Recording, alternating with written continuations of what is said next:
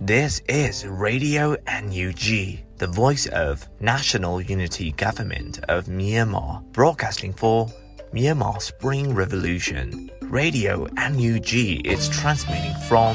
shortwave 16 meter 17.79 megahertz at 8:30 a.m. and 25 meter 11.94 megahertz at 8:30 p.m. Myanmar Standard Time. မင်္ဂလာပါခင်ဗျာ အမျိုးသားညီညွတ်ရေးအစိုးရရဲ့အတန်လွင့်ဌာန Radio NUG ကိုမနက်ပိုင်း၈နာရီခွဲမှာလိုင်းတို16မီတာ7.3 MHz ညပိုင်း၈နာရီခွဲမှာလိုင်းတို25မီတာ17.6 MHz တို့မှာဓာတ်ရိုက်ဖမ်းယူနိုင်နိုင်ပါပြီမင်္ဂလာအပေါင်းနဲ့ပြည့်စုံကြပါစေအခုချိန်ကစပြီး Radio NUG အစီအစဉ်တွေကိုဓာတ်ရိုက်အတန်လွှင့်ပေးနေပါပြီ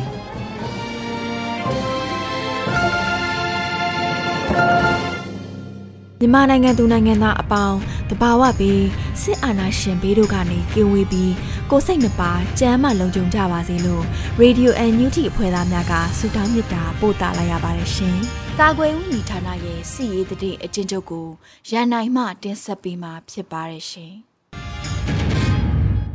စစ်ကောင်စီနဲ့တိုက်ပွဲဖြစ်ပွားမှုသတင်းကိုတင်ဆက်ပေးပါမယ်။ကြရပြည်နယ်မှာဇန်နဝါရီလ9ရက်နေ့မနက်၈နာရီခန့်က ရှားတော်မြို့နယ်ထိုင်းမြန်မာနယ်စပ်နန်းပန်ချောင်းဤစစ်ကောင်စီတပ်ရဲ့နတ်တောင်တပ်စခန်းကိုဂီနီတပ်မတော် KA ကတိုက်ခိုက်သိမ်းပိုက်ခဲ့ပြီးစစ်ကောင်စီတပ်မှစစ်ကူလာတဲ့ရဟန်းရင်မှ၎င်းတို့တပ်များအပေါ်ဘုံကျဲတိုက်ခိုက်ခဲ့ပြီးစစ်ကောင်စီအကြဆုံးအရေးအတွက်ကိုအတိမပြုတ်နိုင်သေးကြောင်းသိရှိရပါတယ်။ဇန်နဝါရီလ6ရက်နေ့မနက်၈နာရီချိန်ကဒီမော့စုမြို့နယ်ဒေါ်ပူစီနဲ့9မိုင်6မိုင်ရွာတို့မှာစစ်ကြောင်း3ကြောင်းဖြင့်စစ်ကြောင်းထိုးလာတဲ့ စစ်ကောင်စီတပ်နဲ့ ကရင်နီတပ်မတော် KA KNDF တို့ တိုက်ပွဲပြင်းထန်ခဲ့ပြီး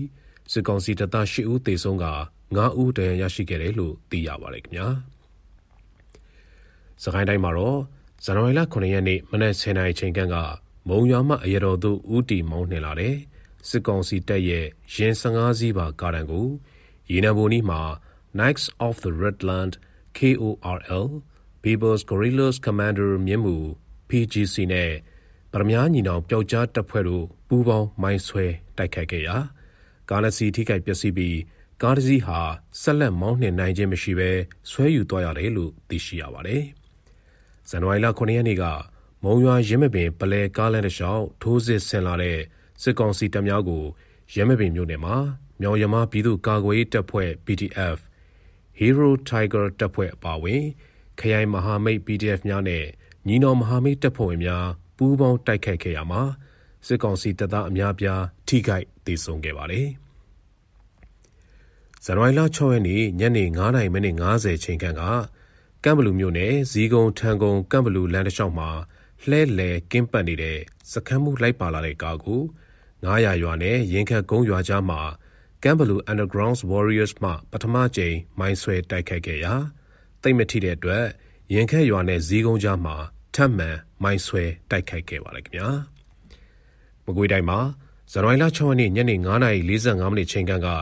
မင်းလာမြို့နယ်လဲလှရွာနဲ့ဒီတုတ်ကန်ရွာကြားမှာ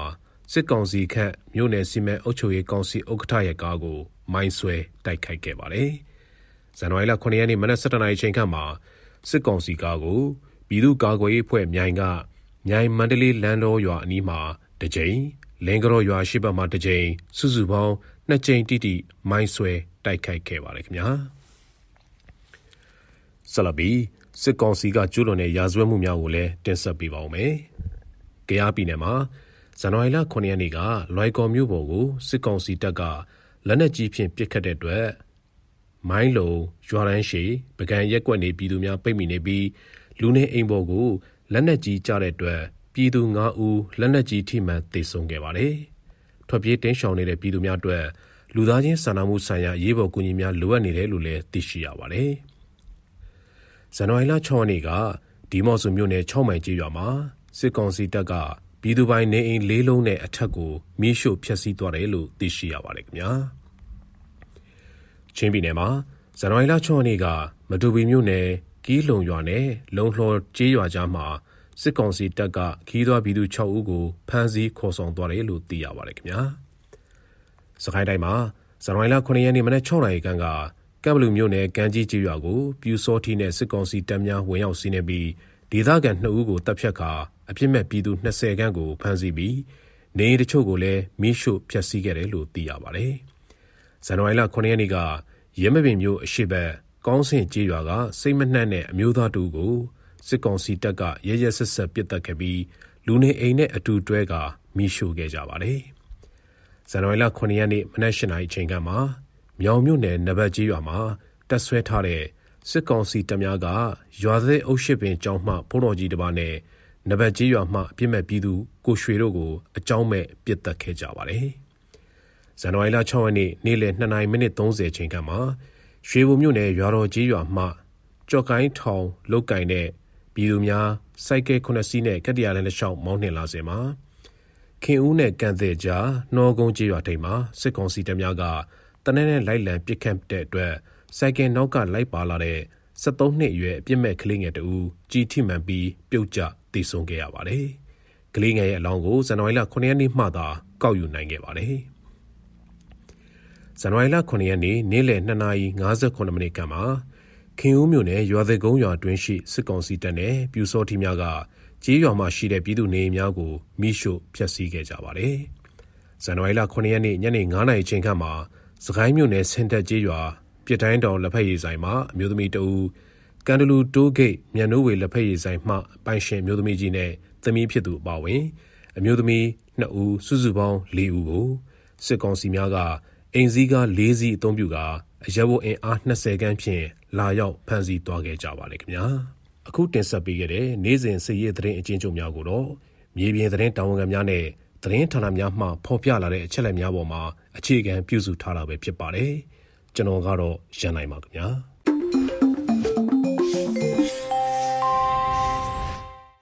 ရေဒီယို NUG မှာဆက်လက်အတန်းလွှင့်နေပါတယ်။အခုဆက်လက်ပြီးနောက်ဆုံးရပြည်တွင်သတင်းများကိုຫນွေဦးမောင်မှတင်ဆက်ပေးမှာဖြစ်ပါတယ်ရှင်။သတင်းများကိုတင်ဆက်ပေးပါမယ်။အမျိုးသားညီညွတ်ရေးအစိုးရက CDM တွေကိုဖိနှိပ်မှုပြုလုပ်နေတဲ့ Non-CDM ဝန်ထမ်းအရာရှိ82ဦးကိုအမည်ပြတ်စည်ရင်သွင်းပြီးယာဒူးကထုတ်ပယ်လိုက်ပါတယ်။ အမည်ပြတ်စင်ရင်နဲ့ယာဒူးကထုတ်ပယ်ခံလိုက်ရတဲ့သူတွေဟာ CDM ဝန်ထမ်းတွေကိုဖိအားပေးတာချင်းချောက်တာယာဒူးထုတ်ပယ်တာတရားစွဲတာပြန်ဆက်ရန်မလိုတော့တဲ့ချင်းငွေတွေကိုအတင်းအဓမ္မပြန်လည်ပေးဆောင်ခိုင်းတာလက်တလောကွယ်လွန်တဲ့အခါမှာလဲနိုင်ငံဝန်ထမ်းတဦးနဲ့ခန်းစားခွင့်မရတာအဆရှိတဲ့ဖိနှိပ်မှုအမျိုးမျိုးကိုလှုပ်ဆောင်နေတာဖြစ်တဲ့အတွက်ကြောင့်လို့သတင်းထုတ်ပြန်ချက်မှာဖော်ပြထားပါတယ်။ထုတ်ပြန်ခံရသူတွေကဝင်ကြီးရုံးကလက်ထောက်အတွင်းဝင်9ဦးဒုညွန်ကြားရေးမှူး12ဦး လက်ထောက်ညွှန်ကြားရေးမှူး10ဦးနဲ့ဦးစီးအရာရှိ4ဦးစုစုပေါင်း32ဦးဖြစ်ပါတယ်။ထုတ်ပယ်ခံရသူတွေကဝန်ကြီးရုံးကလက်ထောက်အတွင်းဝန်5ဦးဒုညွှန်ကြားရေးမှူး12ဦးလက်ထောက်ညွှန်ကြားရေးမှူး10ဦးနဲ့ဦးစီးအရာရှိ4ဦးစုစုပေါင်း32ဦးဖြစ်ပါတယ်။လျှက်စစ်စွမ်းအားစီမံရေးဦးစီးဌာနကထုတ်ပယ်ခံရသူတွေကတော့ဒုညွှန်ကြားရေးမှူးချုပ်2ဦးညွှန်ကြားရေးမှူး2ဦးနဲ့ဒုညွှန်ကြားရေးမှူး2ဦးစုစုပေါင်း3ဦးပါ။ ရက်စစ်တပ်အားပို့လွှတ်ရေးနဲ့ကုတ်ကဲရေးဦးစီးဌာနကထုတ်ပယ်ခံရတဲ့သူတွေကတော့ညွန်ကြားရေးမှုနဲ့ဒုညွန်ကြားရေးမှု3ဦးစုစုပေါင်း9ဦးဖြစ်ပါတယ်။ရေအားလျက်စစ်အကောင့်ထဲပေါ်ရေးဦးစီးဌာနကထုတ်ပယ်ခံရတဲ့သူတွေကတော့ညွန်ကြားရေးမှု2ဦးဒုညွန်ကြားရေးမှု9ဦးနဲ့ဦးစီးအရာရှိ3ဦးစုစုပေါင်း9ဦးဖြစ်ပါတယ်။လျက်စစ်တပ်အားထုတ်လို့ရေးလုပ်ငန်းကထုတ်ပယ်ခံရတဲ့သူတွေကတော့အထွေထွေမန်နေဂျာ2ဦးအင်ဂျင်နီယာချုပ်2ဦးညွန်ကြားရေးမှု2ဦးဒုအင်ဂျင်နီယာချုပ်3ဦး ဒုတိယညွှန်ကြားရေးမှူး6ဦးအင်ဂျင်နီယာမှူးကြီး12ဦးလက်ထောက်ညွှန်ကြားရေးမှူး4ဦးအင်ဂျင်နီယာမှူး2ဦးနဲ့လက်ထောက်အင်ဂျင်နီယာ2ဦးစုစုပေါင်း34ဦးဖြစ်တယ်လို့သတင်းထုတ်ပြန်ချက်အရသိရပါတယ် အမျိုးသားညီညွတ်ရေးအစိုးရလျှက်စစ်ဝန်ကြီးဌာနအနေနဲ့လည်းအမိတ်အာဏာဖီဆိုင်ရေးလှုပ်ရှားမှု CDM မှာပါဝင်ခဲ့ကြတဲ့ဝန်ကြီးဌာနမဖွဲ့ရသေးသောဌာနအသီးသီးမှနိုင်ငံဝန်ထမ်းသူရဲကောင်းတွေရဲ့လူမှုဖူလုံရေးလုံခြုံပေးကင်းရေးနဲ့ဖိအားကင်းစင်ရေးတို့အတွက်အလေးထားဆောင်ရွက်နေရလို့သိရပါတယ်ခင်ဗျာဆက်လက်ပြီးတရက်ချောင်းမှာတိုက်ပွဲဖြစ်ရမှာပယံလုံသား၃ဦးကိုစစ်ကောင်စီတပ်ကပစ်တက်လိုက်တဲ့တဲ့တင်ကိုတင်ပြပေးပါမယ်။ တနင်္သာရီတိုင်းတရက်ချောင်းမြို့နယ်စော်ပြားရွာမှာတပ်ဆွဲထားတဲ့စစ်ကောင်စီတပ်ဖွဲ့ဝင်တွေကိုပြည်သူ့ကာကွယ်ရေးတပ်ဖွဲ့တွေကဇန်နဝါရီ9ရက်နေ့မနက်10:00နာရီချိန်တွင်ဝင်ရောက်တိုက်ခိုက်ခဲ့ကြရမှာနှစ်ဖက်အပြန်အလှန်တိုက်ပွဲဖြစ်ပွားခဲ့ပါတယ်။စစ်ကူလာတဲ့စစ်ကောင်စီရင်နှန်းကိုလည်းပြည်သူ့ကာကွယ်ရေးတပ်ဖွဲ့များကကင်းရှိရွာအနီးမှာမိုင်းဆွဲတိုက်ခိုက်ခဲ့ကြပါတယ်။အဲ့ဒီနောက်စစ်ကောင်စီတပ်ဖွဲ့တွေရွာဘက်ကိုတနက်များရန်တမ်းပစ်ခတ်ခဲ့ကြတာပါ။ ကြောက်လန့်ထွက်ပြေးသွားတဲ့ရွာသားနောက်ကိုစစ်ကောင်စီတပ်ဖွဲ့ဝင်များကတနက်ပစ်ခတ်ခဲ့ရမှာပယံလုံသားလူငယ်၃ဦးကြီးထိမှန်သေဆုံးခဲ့ပါတယ်။တောင်ပြောက်တိုက်နယ်အဝင်အထွက်လမ်းမိုင်းတွေပိတ်ထားလို့ရွာမှာရိတ်ခါပြန့်နှံ့နေပြီလေ။စစ်သားတွေလည်းလမ်းမဖွင့်ပေးလို့စော်ပြားရွာမှာတက်ဆွဲထားတဲ့စစ်ကောင်စီတပ်တွေကို PDF တွေကဝင်ပစ်တာပါ။သူတို့တိုက်ခိုက်ခံရပြီးနောက်မှာစစ်ကူလာတဲ့ရင်နှန်းကကင်းရှိရွာအနီးမှာမိုင်းဆွဲခံရတယ်။ပြီးတော့ရွာထဲတနက်ပစ်တော့ရွာသားတွေထွက်ပြေးကြတာပေါ့။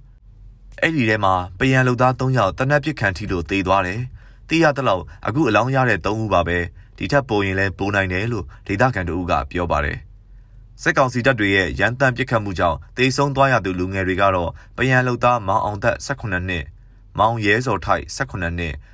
မောင်ခန့်စင်ထွေး14နှစ်တို့ဖြစ်ကြပါတယ်။ရုတ်တရက်တိုက်ပွဲဖြစ်တဲ့တနတ်တွေပြစ်နေပြီဆိုတော့ရွာထဲပယံလုံနေတဲ့ကလေးတွေလည်းကြောက်ပြီးပြေးတာပေါ့။ အဲ့လိုပြေးတာကိုသူတို့ကရန်သူဆိုပြီးဖြစ်တာပါလို့ရွာသားတို့ကပြောပါတယ်။တိတ်ဆုံးသူ၃ဦးရှိခဲ့တဲ့အပြင်ဒေသခံပြည်သူအ ਨੇ ဆုံး9ဦးထပ်မံကိုလည်းစစ်ကောင်စီကဖမ်းဆီးခေါ်ဆောင်သွားပြီးစိုက်ကဲအချို့ကိုလည်းတင်စီသွားပါတယ်။တနင်္သာရီတိုင်းတရက်ချောင်းမြို့နယ်တောင်ပြောက်တိုက်နယ်တခွင်ကိုအာနာသိန်းအကြမ်းဖက်စစ်တပ်ကလမ်းကြောင်းအားလုံးပိတ်ဆို့ထားတာကြောင့်ရွာသူရွာသားများအားလုံးစားနပ်ရိက္ခာများပြက်လက်နေကြတာလဲလအတန်းကြာနေပြီလို့သိရပါတယ်ခင်ဗျာ။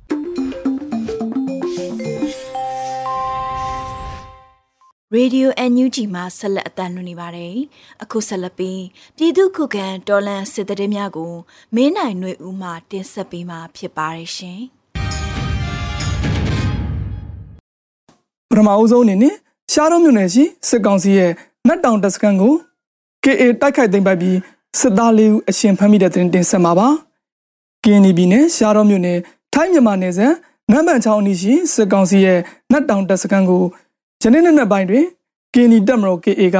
တိုက်ခိုက်သိမ်းပိုက်လိုက်ပြီးစစ်တပ်ဘက်မှသေဆုံးမှုများကြောင်းစစ်ကောင်စီတပ်သား၄ဦးကိုအရှင်ဖမ်းမိကြောင်းကီနီတက်မတော် KA ထံမှသိရှိရပါတယ်။အဆိုပါစစ်ကောင်စီတပ်စခန်းဟာ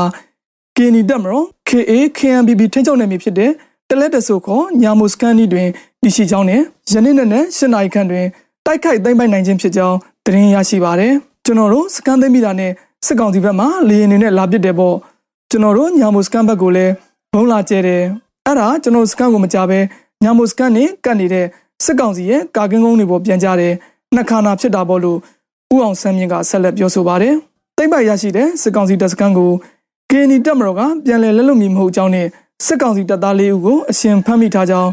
KNAC ကလူမှုကွန်ရက်တွင်ရေးသားထုတ်ပြန်ထားပါတယ်ဆက်လက်ပြီးအရေတော်ဘက်မှာလာတဲ့အကြမ်းဖက်စစ်ကောင်စီခြေလင်တပ်ကိုမိုင်းဆွဲတိုက်ခတ်ခဲ့ရာအရာရှိတအုပ်အပါဝင်အကြမ်းဖက်စစ်ကောင်စီဝင်6ဦးတည်တဲ့ တရင်တင်ဆက်မှာပါအရေတော်ဝက်လက်နေဆက်မူးမြစ်ကူတမယိုတရာအနီးတွင်အရေတော်ဘက်မှဆင်းလာတဲ့အင်အား40ခန့်ပါတဲ့အကြမ်းဖက်စစ်ကောင်စီခြေလင်းစစ်ကြောင်းကိုဝက်လက်ပကဖာတရင်တကမိုင်းဆွဲတိုက်ခတ်ခဲ့ရာအရာရှိတအုပ်အပါဝင်အကြမ်းဖက်စစ်ကောင်စီတပ်ဖွဲ့ဝင်၄ဦးသေဆုံးသွားကြောင်းဝက်လက်မြို့နယ်ပြည်သူ့ကာကွယ်ရေးအဖွဲ့ကဇန်နဝါရီလ6ရက်နေ့တွင်သတင်းထုတ်ပြန်ခဲ့ပါတယ်။ဇန်နဝါရီလ6ရက်နေ့တိုက်ခိုက်မှုတွင်ဝက်လက်ဘက်မှစစ်ကူလာတဲ့ အကြမ်းဖက်စစ်ကောင်စီကားစီကိုရွှေပန်းကုန်းရွာနှင့်တမရိုးရွာကြားတွင်ဝက်လက်မြို့နယ်ပြည်သူ့ကာကွယ်ရေးအဖွဲ့တရင်တကထပ်မံမိုင်းဆွဲတိုက်ခိုက်ခဲ့တာပါစစ်ကူကားဆောင်ရိုင်းနေတဲ့အကြမ်းဖက်စစ်ကောင်စီရဲ့ခြေလင်းစစ်ကြောင်းဟာမိုင်းဆွဲတိုက်ခိုက်မှုအပြီးတွင်အကြမ်းဖက်စစ်ကောင်စီတပ်များကနာယီဝက်ခန့်ပြစ်ခတ်မှုပြုလုပ်ခဲ့တော့လဲပြည်သူ့ကာကွယ်တပ်ဖွဲ့ဝင်များထိခိုက်မှုမရှိဘဲပြန်လည်ဆုတ်ခွာနိုင်ခဲ့ပါတယ်ထို့ပြင်အဆိုပါတိုက်ခိုက်မှုကြောင့်ဒဏ်ရာရရှိသွားတဲ့အကြမ်းဖက်စစ်ကောင်စီတပ်ဖွဲ့ဝင်2ဦးမှလည်းမုံရွာစစ်အောင်တွေသေဆုံးသွားပြီး 12ဦးထိခိုက်ဒဏ်ရာရရှိသွားကြောင်းဝက်လက်ပြည်သူ့ကာကွယ်ရေးတပ်ဖွဲ့ကနောက်ဆက်တွဲသတင်းအနေနဲ့ယနေ့ဇန်နဝါရီလ9ရက်နေ့တွင်သတင်းထုတ်ပြန်ထားပါတယ်။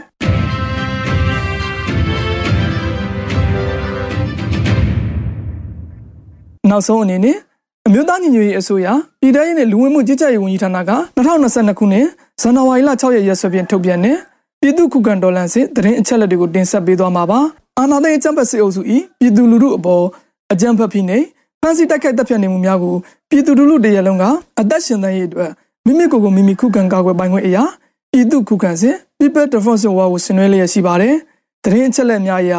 9ရက်တလ2022ရက်နေ့တွင်စစ်ကောင်စီတပ်ဖွဲ့ဝင်58ဦးသေဆုံးပြီးထိခိုက်ဒဏ်ရာရရှိသူ10ဦးအထိခုခံတိုက်ခိုက်နိုင်ခဲ့ပါတယ်။စစ်အာဏာရှင်စနစ်မြမမြေပေါ်မှာအပြစ်တိုင်ချုပ်ငြိမ်းရေးနဲ့ Federal Democracy တည်ဆောက်ရေးအတွက် ငင်းချမ်းစွာဆန္ဒပြသည့်လူမှုတပိတ်တိုက်ပွဲများကပြည်내နှင့်တိုင်းဒေသကြီးများမှာဖြစ်ပွားပေါ်ပေါက်လျက်ရှိပါတယ်။မြေပြင်မှာယခုတွေ့ရှိရတဲ့သတင်းအချက်အလက်များတဲ့ပိုရဖြစ်ပွားနိုင်ပါတယ်ခင်ဗျာ။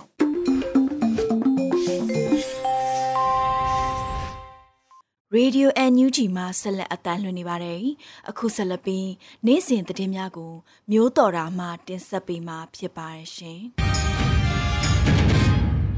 အခုပထမဆုံးတင်ဆက်ပေးခြင်းတဲ့သတင်းကကမ္ဘောဒီးယားဝန်ကြီးချုပ်ဟွန်ဆန်အနေနဲ့မြန်မာအရေးကိစ္စတွေကိုပြည်သူရွေးချယ်ပေးထားတဲ့တရားဝင်ဖွဲ့စည်းတွေနဲ့သာ ပူးပေါင်းဆောင်ရွက်ဖို့ပြည်ထောင်စုလွှတ်တော်ကိုစားပြုကော်မတီတိုက်တွန်းဆိုတဲ့သတင်းမှာအကြမ်းဖက်စစ်ကောင်းဆောင်တွေနဲ့တွေ့ဖို့မြန်မာနိုင်ငံကိုရောက်ရှိနေတဲ့ကမ္ဘောဒီးယားဝန်ကြီးချုပ်ဟွန်ဆန်ကိုမြန်မာရေးကိစ္စတွေနဲ့ပတ်သက်လာရင်ပြည်သူတွေကဆန္ဒမဲပေးရွေးချယ်ထားတဲ့တရားဝင်ဖွဲ့စည်းတွေသာပူးပေါင်းဆောင်ရွက်ဖို့အတွက်ပြည်ထောင်စုလွှတ်တော်ကိုစားပြုကော်မတီ CRPH ကတိုက်တွန်းလိုက်ပါတယ်မိမိတို့ပြည်ထောင်စုလွှတ်တော်ကိုစားပြုကော်မတီအနေနဲ့ပြည်သူလူထုကအနှင်းထားတဲ့အခွင့်အာဏာကိုကျင့်သုံးနေတဲ့တရားဝန်ဖွဲ့စည်းဖြစ်တာကြောင့်မြန်မာပြည်သူတွေရဲ့ဆန္ဒသဘောနဲ့အညီရက်တီဆောင်ရွက်သွားမှာဖြစ်တဲ့အကြောင်းအသိပေးထုတ်ပြန်အပ်ပါတယ်လို့ပြည်ထောင်စုလွှတ်တော်ကိုစားပြုကော်မတီ CRPH ကသတင်းထုတ်ပြန်ချက်မှာဖော်ပြထားပါတယ်။ အကြံဖက်စစ်ကောင်းဆောင်နဲ့တွဲဆုံဆွေးနွေးမယ်ဟွန်ဆန်အနေနဲ့အာဆီယံအလှည့်ကျဥက္ကဋ္ဌဖြစ်တဲ့အတွက်ကြောင့်မြန်မာပြည်သူတွေရဲ့ဆန္ဒ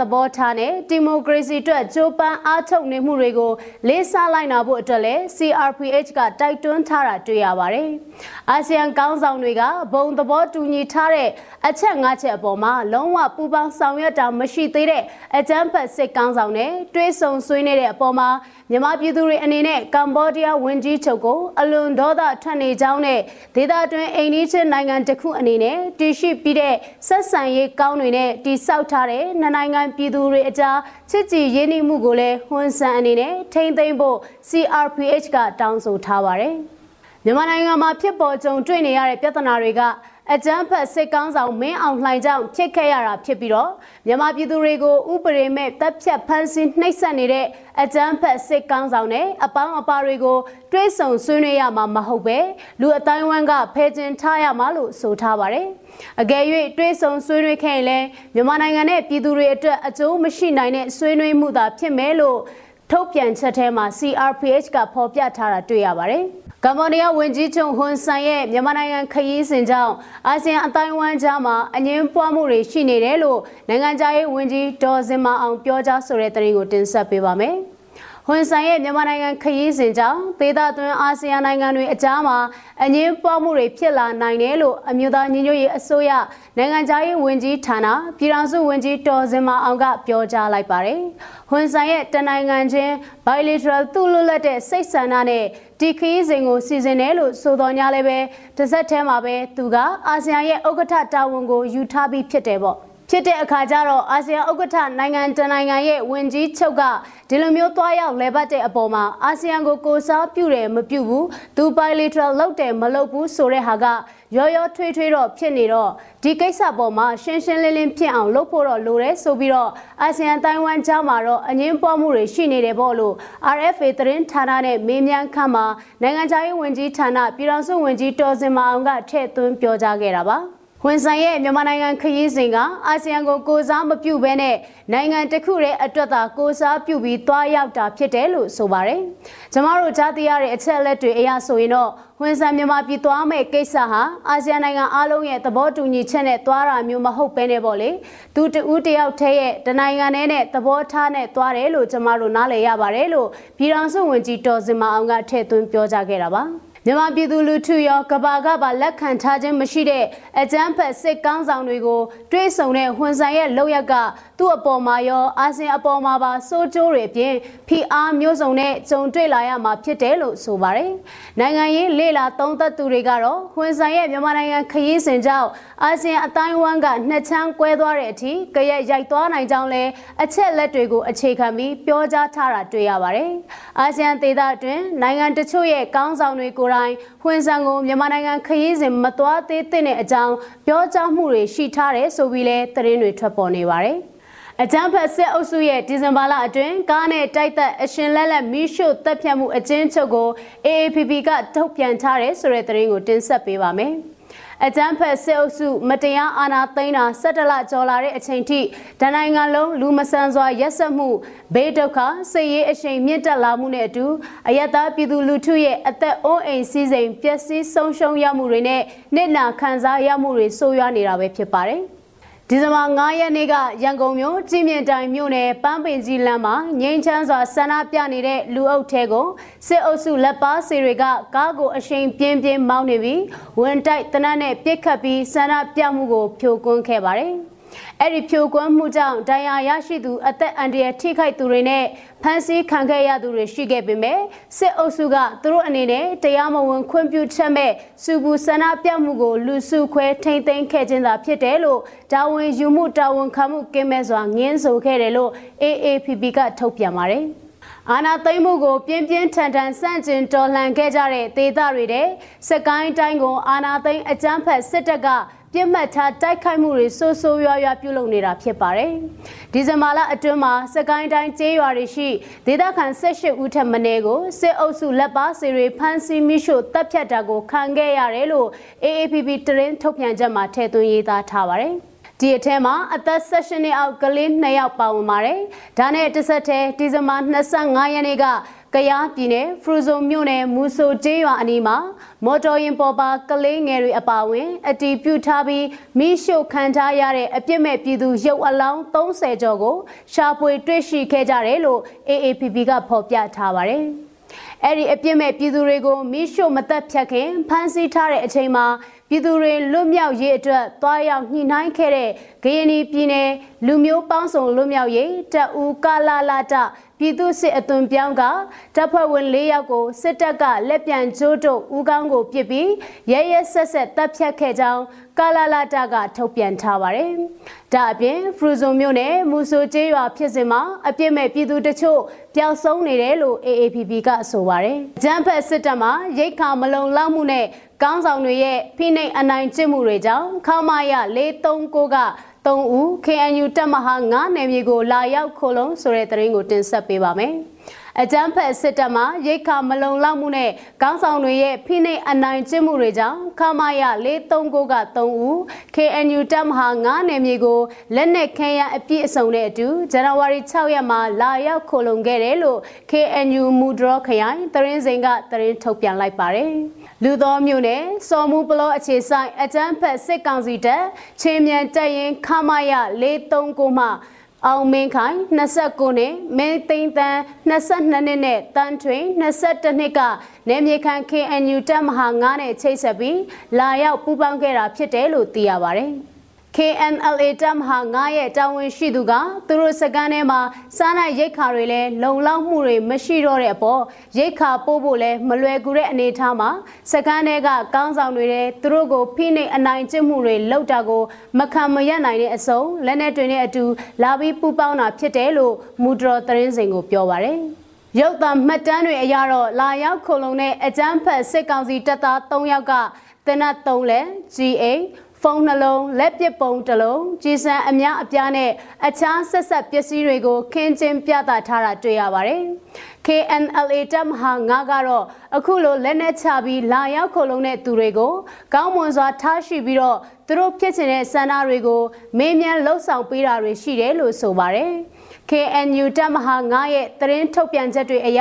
2021ခုနှစ်အစောပိုင်းကာလကစပြီးတော့ဇန်နဝါရီ6ရက်2022ခုနှစ်အထိလာရောက်ပူးပေါင်းတဲ့အကြမ်းဖက်စစ်ကောင်စီတပ်သား90ဦးအထိရှိထားကြောင်းနဲ့လာရောက်ပူးပေါင်းသူတွေထဲမှာစစ်စင်ရေးကွက်ကဲမှုဌာနချုပ်စကခရှစ်လက်အောက်ခံတပ်ရင်းမှာတပ်သားတွေကအများဆုံးဖြစ်တယ်လို့ဆိုထားပါတယ်ကျေးဇူးတင်ပါတယ်ရှင်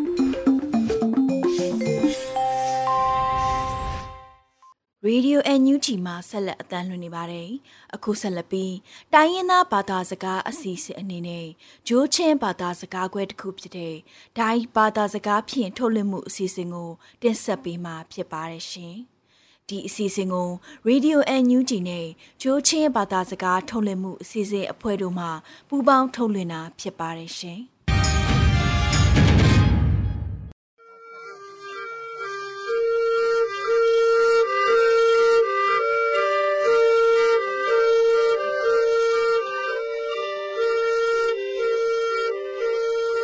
Radio NUG Chu program abyak thailo na sunga ki no pa phoina ningya ye na ni tungoi khokum thong hi kunam ku yang hi siksu kha am thup ko lom thup khok umya khok pung thu thange sun ke da salai no kaning yam the lok khaya ka ki aksuk tang tang thu thang ta min tam lun he ang ka thik nam se yong sun set sapu no anik prok pra u tia thanga ka kini ahinak su khak se umung amne ma aniam tuim sengna ka thik nam se yong sun set sapu no itung ania ku but u aksen iya i wai sang uya khana set situi ani bui u nam imat phi meyung anim khi u tia nam ma eda thangra ka ki anghina ka thangta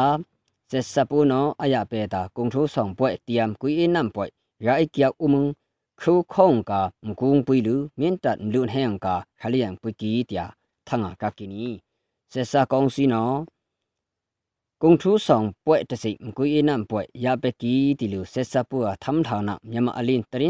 sik su kha am na phrung aniu ka ka ki asun ra ikiyung khu khong ka poling wai ရဲုံဟိတူရဲုံဟိရဲတကြံဟိတုတကြံဟာရဲတတမ်ဟာမင်းတမ်လူန်ဟဲနမ်ဥပမတ်ဟာခမ်လူန်ဟဲလူန်ဟဲဥပမတ်မင်းတခရိုင်ခရိုင်ဥပုန်ကာမတ် အန်တော်နမ်ကူလော့ကေတယာမြာကာကကီအဆုနုံမင်းတမ်လူန်ဟဲအန်ကာခလျန်ပွိကီတီဆွန်ဆက်စပူအထက်ပရနာကုံဟွန်ရာကကီနီ